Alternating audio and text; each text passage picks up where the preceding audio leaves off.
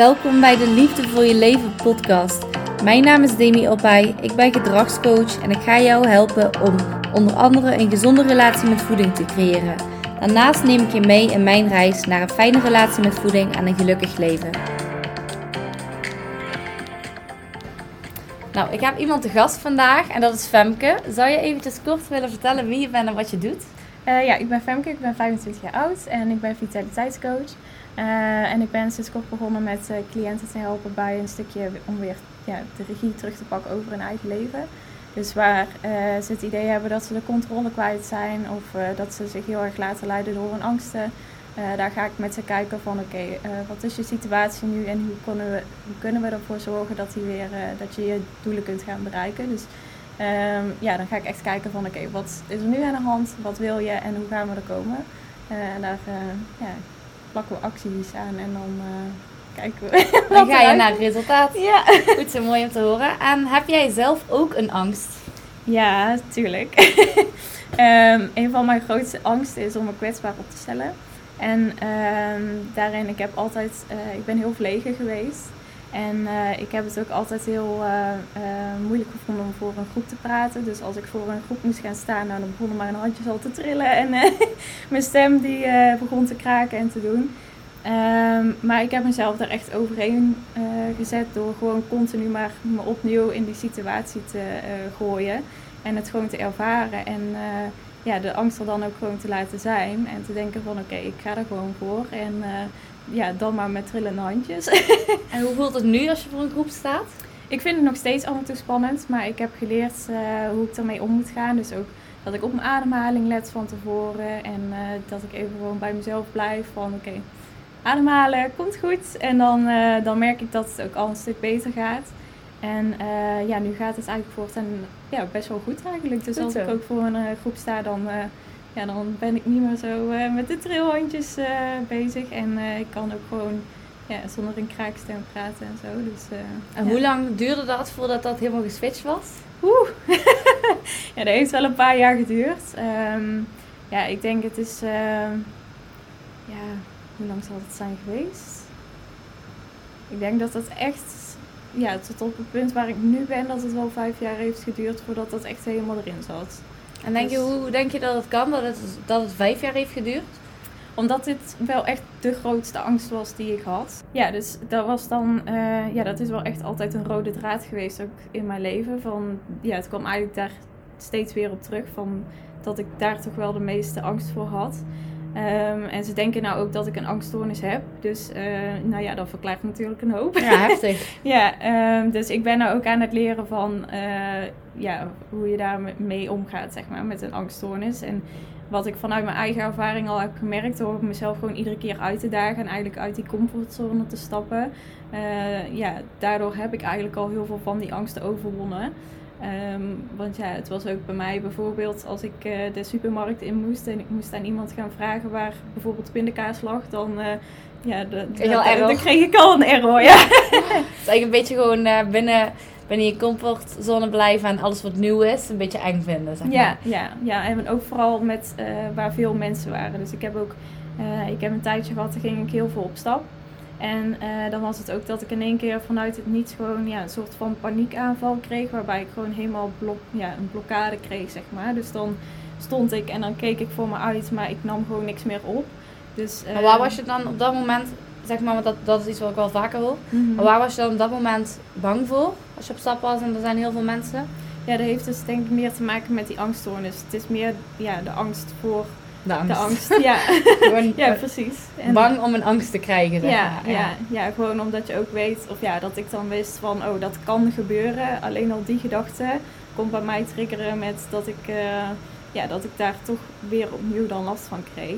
Maar ja, daar heb ik gewoon echt bij mezelf, ben ik gaan nadenken, oké, okay, wanneer gebeurt het? En dan ben ik op gaan schrijven en ook uh, na gaan denken van, oké, okay, wat gebeurde ervoor en wat gebeurde daarna? En toen kreeg ik eigenlijk heel duidelijk een patroon van uh, ja, dat het dus iedere keer te maken had met eigenlijk die angst voor die angst. Mm -hmm. En uh, ja, toen ben ik eigenlijk gaan kijken van oké, okay, maar hoe kan ik daar nou mee omgaan? En uh, ja, toen kwam ik dus weer op dat stukje van uit je comfortzone stappen en het gewoon doen. En denken van oké, okay, de angst is er, die mag er zijn. Maar ik ga nou ook die angst in de ogen kijken en ik ga er iets aan doen. Gewoon aangaan. Ja, gewoon aangaan. En dan ervaren. Ja, ervaren. En dan, dan merk je eigenlijk dat die angst waar je dus bang voor was, dat het eigenlijk heel erg meevalt. En ehm, ja, ook daarin krijg je dan dus ook steeds meer weer vertrouwen in jezelf. Van ja, dat het eigenlijk ook gewoon. Dat je het wel kan. Ja, precies. Ja, ja. Dus eigenlijk is het vaak gewoon een beetje, eh, je weet niet wat er komen gaat. Ja. En dat is eng. Maar als je het toch doet, dan ervaar je het tegenovergestelde. Ja, ja. ja. En wat is volgens jou, wat betekent angst? Angst is een, ehm, ja, het komt eigenlijk vanuit de oorsprong, komt het vanuit, uh, ja, echt als je kijkt naar de prehistorie, zeg maar, angst is ook, het kan ook heel uh, goed zijn. Want als je bijvoorbeeld voor een, ja, een leeuw of een tijger mhm. staat, dan is het heel fijn om bang te zijn en dat je niet denkt van, nou, kom maar op. maar denkt, oh, wegwezen. Zullen, zullen vast van gekken zijn die, die wel zo Ja, misschien wel. Ja. Nee, ik ook niet. Maar zul je weg zien uh, rennen. Maar um, ja, dus het, is ook, het, het, heeft ook iets positiefs. En je kunt het ook positief gebruiken. Dus angst is in die zin is het ook waardevol. Uh, maar het moet niet je leven gaan belemmeren. Het moet er niet voor gaan zorgen dat je daardoor geen dingen meer durft te doen. Of dat je... Uh, nu hebben we angst voor de dingen die eigenlijk niet zo van relevant zijn om ja, bang voor te zijn. Ja, ja, of ja, relevant of uh, ja, die jou tegenhouden om gewoon jouw dingen te doen die jij wil doen. Precies. Ja. Een leeuw is natuurlijk iets meer gevaar dan als je voor een groep mensen moet staan. Ja. Precies. Ja. Dat is eigenlijk een beetje jouw uh, veiligheidsmechanisme. Hij weerhoudt mm jou van dingen die misschien in je brein niet veilig zijn. Ja. ja. Dus dat een stukje. En uh, hoe ervaar jij dat met cliënten die angst hebben? Uh, wat ik vaak ervaar is dat zij ook eigenlijk precies zeggen wat ik net ook al zei. Van het is meer de angst voor de angst. Um, en het is, ja, maar wat gaat er dan gebeuren? Dus het is ook een stukje van, heb ik dan nog wel deze zekerheid? Dus um, ja, wat nou als ik mijn baan opzeg? Wat gebeurt er dan? En uh, dus het is meer gaan kijken van, oké, maar wat zijn nog de mogelijkheden? Wat kan ook gebeuren? Mm -hmm. um, en wat ik dan ook vaak vraag is van, oké, maar wat is dan het ergste wat er kan gebeuren? Ja. En uh, dan zie je ze eigenlijk al denken en dan is het zo van, oh, het valt eigenlijk best wel mee. Ja.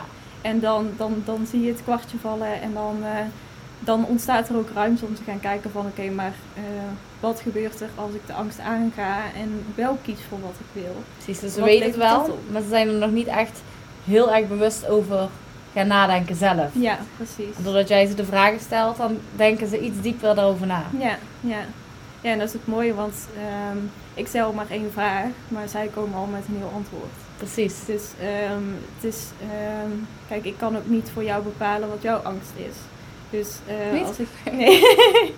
uh, dus als ik aan jou dat zou vragen, dan komt er van jou, vanuit jou een antwoord. Um, en ja, dat is ook met als ik aan ze vraag van, oké, okay, wat is het ergste wat er kan gebeuren? Dat is vanuit hun beleving. maar het is wel mooi om te zien dat het wel een opening geeft. En wat vind jij nu het leukste om jouw cliënten mee te helpen? Ja, ik vind het vooral leuk om uh, te kijken van hoe, iemand, of ja, hoe je iemand kan uitdagen om uit zijn comfortzone te stappen. Uh, omdat daar ook de meeste groei ontstaat, in, ja, in mijn mening. Um, en uh, ja, ik vind het dan wel gaaf om te zien als iemand dan uit die comfortzone stapt van wow, ik kan dit gewoon. en dan, uh, ja, dan zie je gewoon echt weer het vertrouwen terugkomen in iemand en uh, in de keuzes die hij of zij ook maakt. En dat vind ik vooral heel mooi om te zien. Dus daarom dat ik uh, voornamelijk ook het leuk vind om met mensen te werken die ook die uitdaging aandurven te gaan. Mm -hmm. En die uit die comfortzone de, ja, durven te stappen. En uh, ja, echt te gaan beleven van, oh wow, hoe is dat nou als ik echt zou doen wat ik zou willen doen? En uh, ja. Dus iemand die ik heb geholpen om van, ik kan het niet en ik durf het niet en ik heb geen vertrouwen in mezelf, naar ik kan het wel en uh, ik heb wel weer vertrouwen in mezelf. Ja, ja, lijkt me inderdaad, dat is heel tof. Ja. En wat was jouw grootste, um, als ik even moet nadenken, wat was het moment dat jij voor je gevoel het allermeest uit je comfortzone bent gaan stappen? Oeh. Um, ja, ik, ik vind altijd. Uh, ik zeg dit wel eens vaker, want ik heb dus aan de ene kant helemaal geen schrik voor uit een vliegtuig springen of zo. Dus ik, ik ben gaan skydiven. Uh, ik, ja, ik spring van rotsen van 20 meter. dat heb ik Geen hoogtevrees. angst- Nee, Nee. nee. Nee. wat dat betreft ben ik ook alweer een adrenaline junkie. Eh, maar, ehm, dus daarin, dat, daar ervaar ik zeg maar niet in dat, dat ik echt uit mijn comfortzone stap. Dat Nee. is misschien Hoe zelf kan een dat? Denk je dat dat daar niet is? Eh, ik denk dat het toch een stukje eh, ja, adrenaline junkie is. Dus dat dat eigenlijk een soort van mijn comfortzone is. Van, ik vind het ook leuk om die uitdaging aan te gaan. En ehm, dus ik denk dat mijn grootste... eh, of Omdat de- je weet dat er niks fout aan, of ja, niks fout, dat, dat daar, eh, dat jij daar zelf niks in fout kunt doen of zo. Kan dat het ook zijn? Ja, dat, ja, dat zou best eens kunnen wat je nou zegt. Zo heb ik het nog nooit bekeken. Maar zo bedenk, bede- bedenk ik me nu, zeg maar. Hè? Ja, Want dat is wel eng, maar als je eenmaal gesprongen bent, ja, je hebt het niet meer in de hand of zo. nee, ja. ja. Ik denk dat het ook vooral, want de meeste bij mij hebben wel echt te maken, of de meeste angsten hebben te maken met een stukje, ehm, ja, wat andere mensen ervan vinden. Mhm. En eh, dus bijvoorbeeld voor een, een groep spreken van ja, ik heb vaak een zachte stem, een beetje een kraak in mijn stem. En daar zijn wel eens opmerkingen over gemaakt. En dat zit dan toch in je achterhoofd. Van, Ja. ehm, oh, wat gaan ze ervan zeggen? Of wat vinden ze ervan? Of, dus ik denk dat het daar ook vooral heel veel mee te maken heeft. Maar ja, ik denk dat als ik heel eerlijk kijk, iedereen heeft dat. Ja. Op een Mhm. bepaalde mate. Kijk, Ja. de ene heeft het erger dan de andere, maar ook ik, ik denk soms, wat zullen anderen hiervan denken? Ja, En daar ben ik ja. me niet altijd bewust van. Mhm. Maar net als wat jij zegt met spreken voor een groep. ehm, soms heb je, bij, ga je iets nieuws doen of heb je iets al heel lang niet meer gedaan. Zoals Mhm. podcast opnemen of spreken voor een groep. En dan is het altijd weer eventjes spannend. Van hoe gaat het? Ja. Dadelijk, dadelijk verspreek ik me. En dan, ja, je moet eigenlijk gewoon precies hetzelfde doen bij jezelf. Ja. Alleen daar denken we dan soms niet over na, Mhm. zeg maar. We kunnen anderen daar goed mee helpen. Maar bij onszelf moeten we dan ook iets vaker stilstaan bij wat is het ergste wat er kan gebeuren. Ja, ja, precies. En dat ja. doe je ook. Dat is Ja. goed. Ja, een soort van zelfcheck. Ja, precies. Ja, maar daar vind ik ook inderdaad precies wat jij zegt. Van ook, eh, ik denk dat heel veel mensen gewoon heel veel geven om wat andere mensen ervan vinden. Ehm, ik denk voornamelijk nu ook een stukje met social media. Er wordt natuurlijk Ja. heel veel, eh, ja, heel snel over iets een mening gegeven. En de filters. En ik zeg Ja. niet dat ik geen filters gebruik, want ik gebruik Nee, ze ik ook. ja. Maar ehm, ja, kijk, daardoor, je ziet alleen vaak de goede kant. En ik probeer ook wel vaker de dingen te laten zien die bij mij iets minder goed gaan. Mhm. Maar tuurlijk, als jij iets heel ergs meemaakt of wat dan ook, niet iedereen hoeft dat te weten. En dat Ja. ziet dus ook niet iedereen. ja, ja, precies. Dus ze zien vaak de goede kant. En sommige mensen laten alleen maar die goede kant zien. Ja. Dus ik las bijvoorbeeld laatst bij ehm, iemand die was net moeder geworden. En ze zag dus alleen maar op social media als moeder die geen problemen hadden met hun kinderen. Ja. En zelf liep ze overal tegenaan waar je maar Mhm. tegenaan kon lopen. Ja, daar, daar word je ook onzeker van. Ja. Ja, terwijl het eigenlijk bij iedereen gebeurt. Ja, precies. Ja. En je hebt misschien sommigen die heel veel geluk hebben. ehm, maar ook hun hebben hun problemen die ze dan misschien wel niet laten zien. Ja, ja, ja, precies. Ja, en da- dat is dan ook wel interessant van eh, hoe gaan we daar ook als samenleving dan mee om. Ja, En ehm, ja, ik probeer daarin mijn eigen aandeel eh, ja, aan te pakken. Van eh, ook proberen andere mensen te, ja, te laten inzien van oké, het is oké dat je daar bang voor bent van wat iemand ervan vindt of eh, wat ervan denkt. ja. Maar in hoeverre laat je dat bepalen? ja. Ehm, hoe ga je ermee om? ja, precies. En ik denk dat dat vooral ook een hele mooie is. Ehm, en ook waar ik bij cliënten ook wel echt heel veel vooruitgang zie als ze aan dat stukje werken. Dus als ze echt gaan kijken van oké, maar wat wil ik nu? En durf ik te vertrouwen op mijn keuzes zonder dat ik daarin iemand anders zijn mening eh, laat overroelen, zeg maar. Ja. Dus, ehm, en dat, dat probeer ik bij mezelf daarin ook. En dat is precies wat jij net ook zei, van in die situaties, daar ervaart, nou ja, heel veel mensen ervaren En de dat. mensen die zeggen dat ze dat niet hebben, nou, ik denk dat die liegen. Want Mhm. ik denk dat iedereen, ik denk echt dat iedereen aan, sorry als jij je aangesproken voelt en je hebt er geen last van, maar je misschien een uitzondering, maar iedereen denkt wel eens aan wat een ander ervan vindt. En ik zeg niet dat je er ook wat mee doet, Mhm. inderdaad, dat je er iets mee doet, maar iedereen is wel eens bezig met de mening van anderen. Ja. En inderdaad, hoe je ermee omgaat, Mhm. dat bepaalt natuurlijk Ja. eh, je richting, als ik Ja. het even zo moet eh, zeggen. Want Ja. hoe ervaar jij dat? Heb jij daar bepaalde momenten in gehad dat je dacht van... eh, ja, ik heb, ja, als ik heel eventjes heel ver terug ga naar de middelbare school, Toen ben ik eh, gepest. Mhm. En toen was ik eigenlijk altijd zo'n ja, zo'n vervelend kind. Wat altijd zichzelf liet opstoken, zeg maar. Als iemand zei, dat doe je toch niet. Dan wou ik bewijzen dat ik het wel kon. Dus eigenlijk Ja. om te laten zien van, ik kan het wel of ik durf het wel. Mhm. Maar eigenlijk was ik daar al heel erg bezig met de mening van anderen. Ja. Als iemand een belediging, als ik mij beledigd voelde, dan betekende dat dat ik betekenis gaf aan die belediging. Dus iemand zei, je bent te dik. En ik voelde me daar heel erg boos over. Nou, dan voelde ik me ook te dik. Ja. Eh, want als ik me niet te dik voelde, werd ik ook niet boos daarover. Mhm. En nu heb ik dat niet meer op die manier. Maar ook met wat je zegt, spreken voor een groep. Ja, ik heb vaker voor groepen gesproken. Maar ik heb eh, een auto-ongeluk gehad afgelopen jaar. En daarna is mijn spraak een beetje veranderd. Maar dat zat in mijn hoofd. Nu gaat het weer helemaal goed.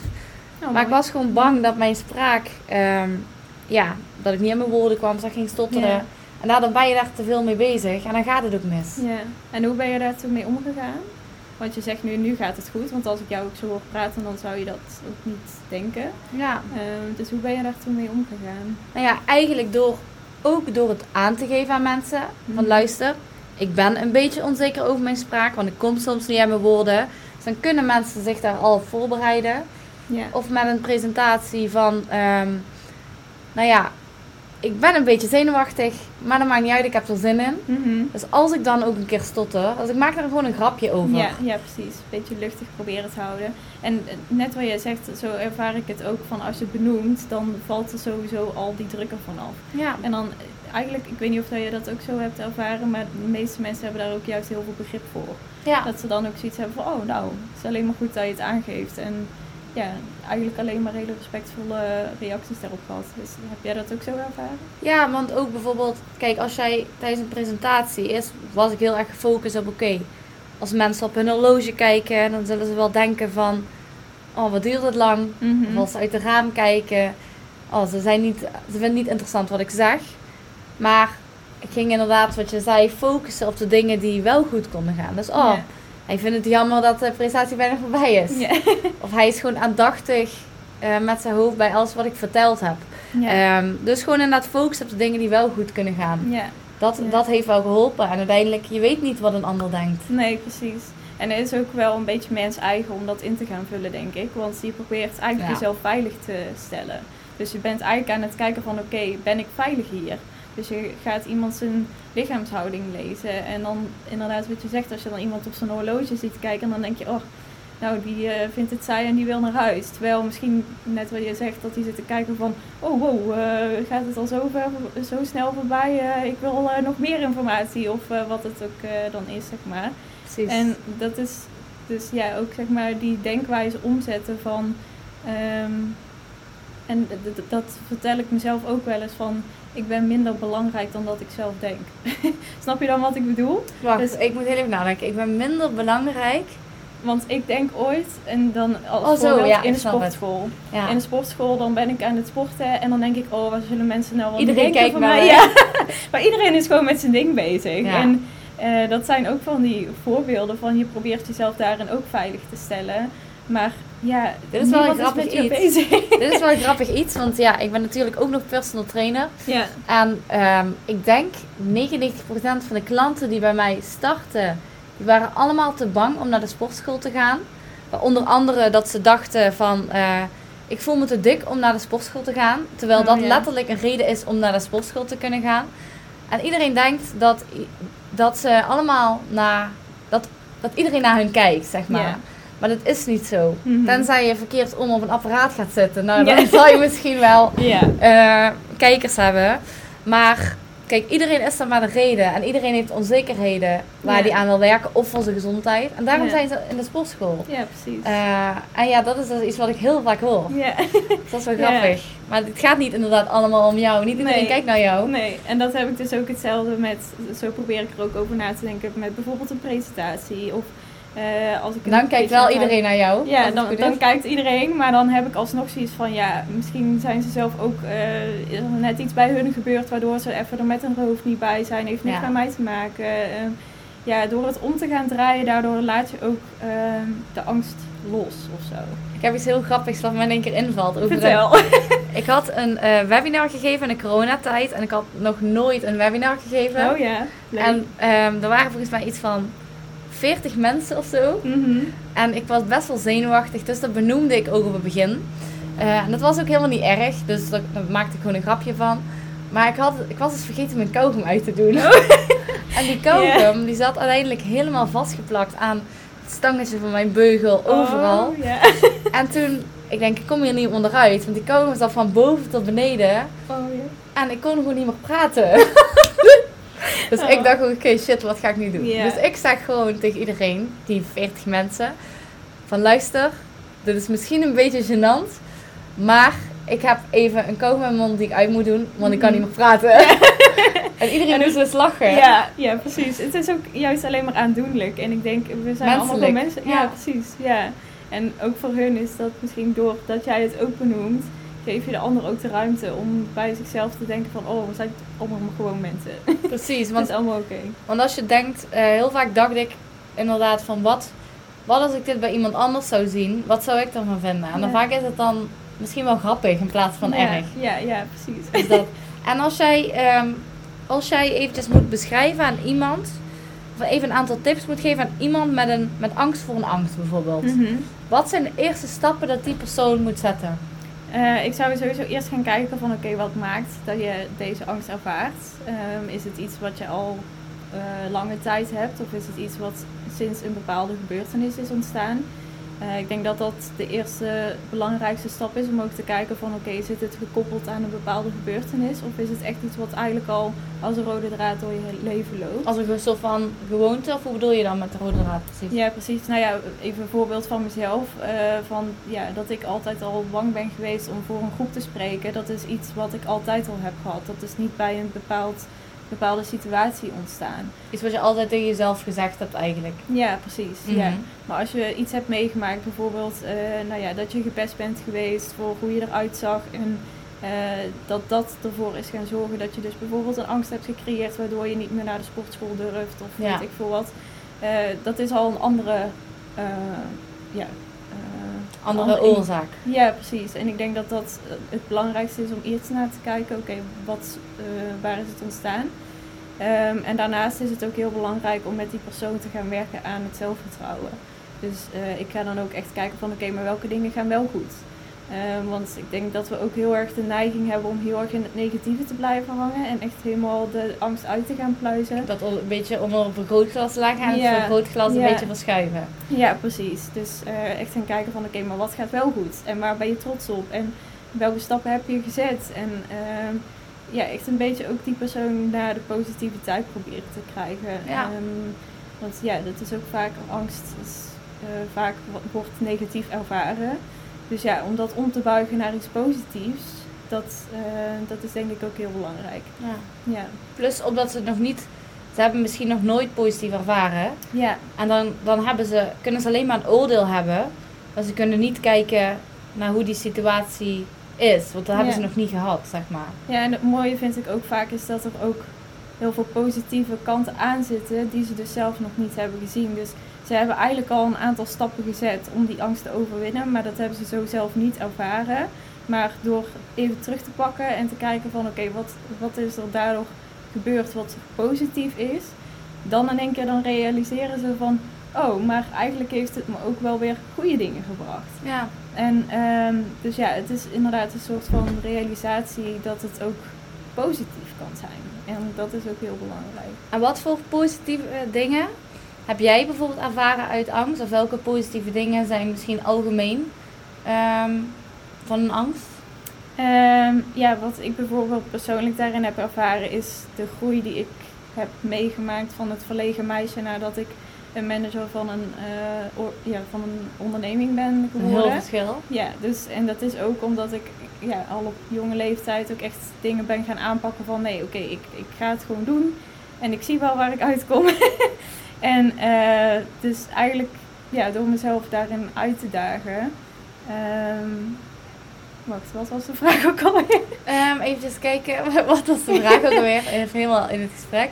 ehm, wat, het positief, oh ja, wat het positieve is aan de angst. Of Oh wat ja. jij misschien als positief ervaren hebt ooit aan een angst. Ja. ja, dus eigenlijk heel veel persoonlijke groei. En ook echt de dingen kunnen doen waar ik eerst van dacht van nou, dat, dat gaat me nooit lukken. Precies. Eh, dus ook bijvoorbeeld, ik had een opdracht voor eh, mijn opleiding toen geo- eh, georganiseerd. En daarvoor moest ik met de minister van Veiligheid en Justitie aan de telefoon. Nou, ik dacht eerst van, nou, dat gaat never nooit gebeuren. maar uiteindelijk heb ik het toch gedaan. En dat moment, dat herinner ik me ook nog steeds gewoon zo goed. Omdat ik toen echt dacht van, oké, wow, ik heb gewoon... het is gewoon gelukt. Ja, het is gewoon gelukt. En zo is dat dus ook met dat ik ja, eigenlijk al best Beetje wel... angst voor afwijzing eigenlijk is dat dan, toch? Dat je Eh, bang dat, dat iemand eh, je afwijst van samenwerken of dat iemand nee zegt. Ja, dat, dat misschien ook.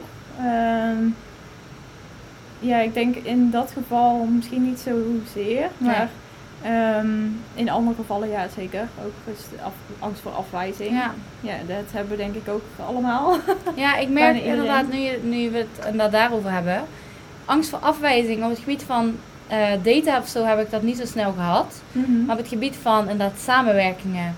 Eh, bijvoorbeeld, ik heb nu een samenwerking met sportschool Artisport. Ja, En ehm, nou ja, ik liep er eigenlijk ook naar binnen met de overtuiging van ik ga er wel naartoe. Maar het zal wel niks worden. Mhm. Het zal wel niks worden, want in Eindhoven zijn al zoveel sportscholen. En hoe groot is die kans, snap je? Dus je gaat alleen maar onbewust, ga ik ook denken aan waarom het niet ging lukken. Ja. Maar ik vergat de redenen waarom het wel zou kunnen lukken. En Mhm. uiteindelijk is het gewoon gelukt. Ja. En dat geeft je dan weer een stukje vertrouwen. ja, ja precies. Ja, Ja. ja. ja. Dus dat eigenlijk. Om het af te sluiten, welke tip heb jij voor de luisteraars? Nou, ik zou je eigenlijk heel graag uit willen dagen om ehm, eens op te schrijven wat een doel is. Wat jij al heel lang wil bereiken, maar wat je tot nu toe nog niet hebt gedaan. Omdat je je misschien daarin te erg door je angst hebt laten beïnvloeden. Eh, schrijf die eens op. En eh, kijk dan eens welke stappen je kunt gaan zetten om die angst in de ogen aan te kijken. En er gewoon voor te gaan om dat doel te behalen. Ja, mooi. En ervaar dan ook wat het mee je doet als je die stappen ook gaat zetten. Ja. Ik ben heel erg benieuwd. Als jullie het gedaan hebben, tag ons vooral op Instagram.